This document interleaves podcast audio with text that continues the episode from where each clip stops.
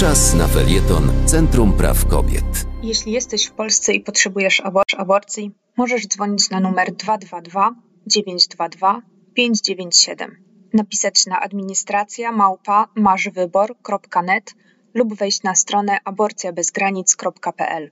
25 maja Irlandki obchodzą trzecią rocznicę głośnego referendum w sprawie zniesienia ósmej poprawki do konstytucji, która w praktyce zakazywała przeprowadzenia aborcji w tym kraju.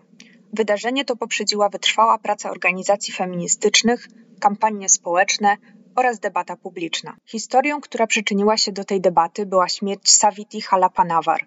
Kobiecie odmówiono przeprowadzenia aborcji, mimo że doszło u niej do częściowego poronienia, a personel medyczny zdawał sobie sprawę z tego, że płód urodzi się martwy. Zamiast ratować życie kobiety, czekano aż serce płodu przestanie bić. Savita po urodzeniu martwego płodu zapadła w śpiączkę, a następnie zmarła w wyniku sepsy. To, co ją spotkało, nie jest oczywiście wydarzeniem jednostkowym i odosobnionym w krajach, gdzie aborcja jest zakazana. I nie jest to również jedyny skutek tego, że decydowanie o naszych ciałach ciągle pozostaje poza naszą kontrolą. Pomijając już, że organizacja referendum w sprawie praw człowieka to nie jest sposób, w jaki chciałybyśmy tę kontrolę odzyskać, to nawet wygranie takiego referendum, jak wydarzyło się to w Irlandii, ciągle nam tego prawa nie gwarantuje, a przynajmniej nie w pełni. Aborcja w Irlandii po wprowadzeniu w życie ustawy ze stycznia 2019 roku owszem jest dostępna, ale nie zawsze i nie dla wszystkich. Według nowych przepisów tzw. Tak aborcja na żądanie może być przeprowadzona do 12 tygodnia. Pacjentki obowiązuje również trzydniowy okres oczekiwania przewidziany na zastanowienie się nad decyzją po pierwszej wizycie u lekarza, lekarki. Jeśli więc wizyta odbyła się w 10-11 tygodniu, istnieje duża szansa na przekroczenie ustawowych 12 tygodni przez samo oczekiwanie na kolejną wizytę odroczoną trzydniowym zastanawianiem się. Następnie, po upływie 12 tygodni, aborcja dozwolona jest w przypadku zagrożenia życia i zdrowia kobiety oraz na każdym etapie ciąży w przypadku wad letalnych płodu. Do terminacji ciąży ze względu na wady letalne płodu może dojść, jeśli dwóch lekarzy postawi diagnozę, że płód prawdopodobnie umrze przed lub w ciągu 28 dni od urodzenia. I oczywiście nie zawsze da się to jasno stwierdzić. Głównie trzy choroby płodu niejako gwarantują diagnozę umożliwiającą przerwanie ciąży po 12 tygodniu: zespół Edwardsa, zespół Pato i bezmózgowie. W przypadku innych, rzadszych chorób lekarze obawiają się jednoznacznie zlecać przerwanie ciąży, ponieważ za asystę w przeprowadzaniu aborcji poza sytuacjami przewidzianymi ustawą ciągle grozi im kara do 14 lat więzienia. A udowodnienie, że ciąża może zakończyć się śmiercią płodu w przypadku mniej znanych chorób, jest po prostu trudne, a udowodnienie, że ciąża może zakończyć się śmiercią płodu w przypadku mniej znanych chorób, jest po prostu trudne. W takich sytuacjach wyjazd do Anglii czy Holandii pozostaje jedyną opcją. Oczywiście, jeśli kogoś na taką podróż stać i przejdzie wszystkie wymogi związane z pandemicznymi restrykcjami.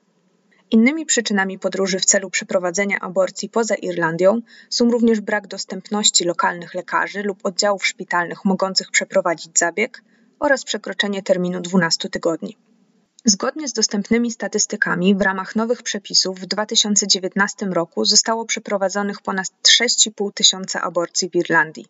Potwierdzona jest również liczba 357 kobiet, które w tym samym roku podróżowały poza Irlandię w celu przeprowadzenia zabiegu. Szacuje się jednak, że takich kobiet jest znacznie więcej. Nie każda mogła chcieć podać irlandzki adres, rejestrując się w klinice aborcyjnej, a do tego nie ma jak oszacować liczby kobiet, które mogły zamówić tabletki do przeprowadzenia aborcji farmakologicznej przez internet. I dlaczego mówię o tym teraz, kiedy w Polsce będziemy obchodzić Dzień Matki? Właśnie dlatego, że każda osoba z macicą ma prawo do zdecydowania kiedy, jak i czy w ogóle matką chce być.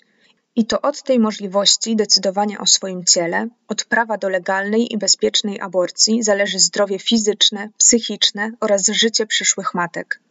Dlatego nie, nie przestaniemy mówić o aborcji i zadowalać się kompromisami, referendami i innymi połowicznymi rozwiązaniami zależnymi od tego, kto akurat będzie u władzy.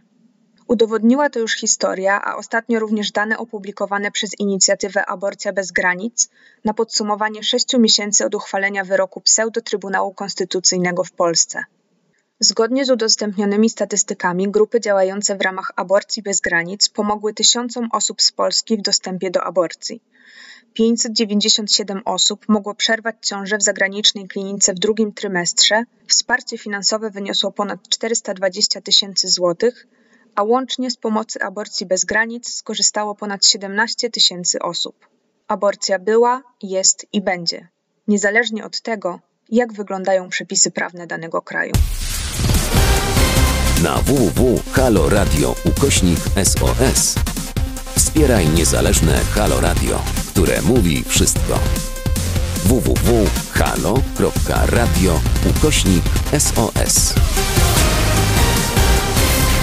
Dziękujemy.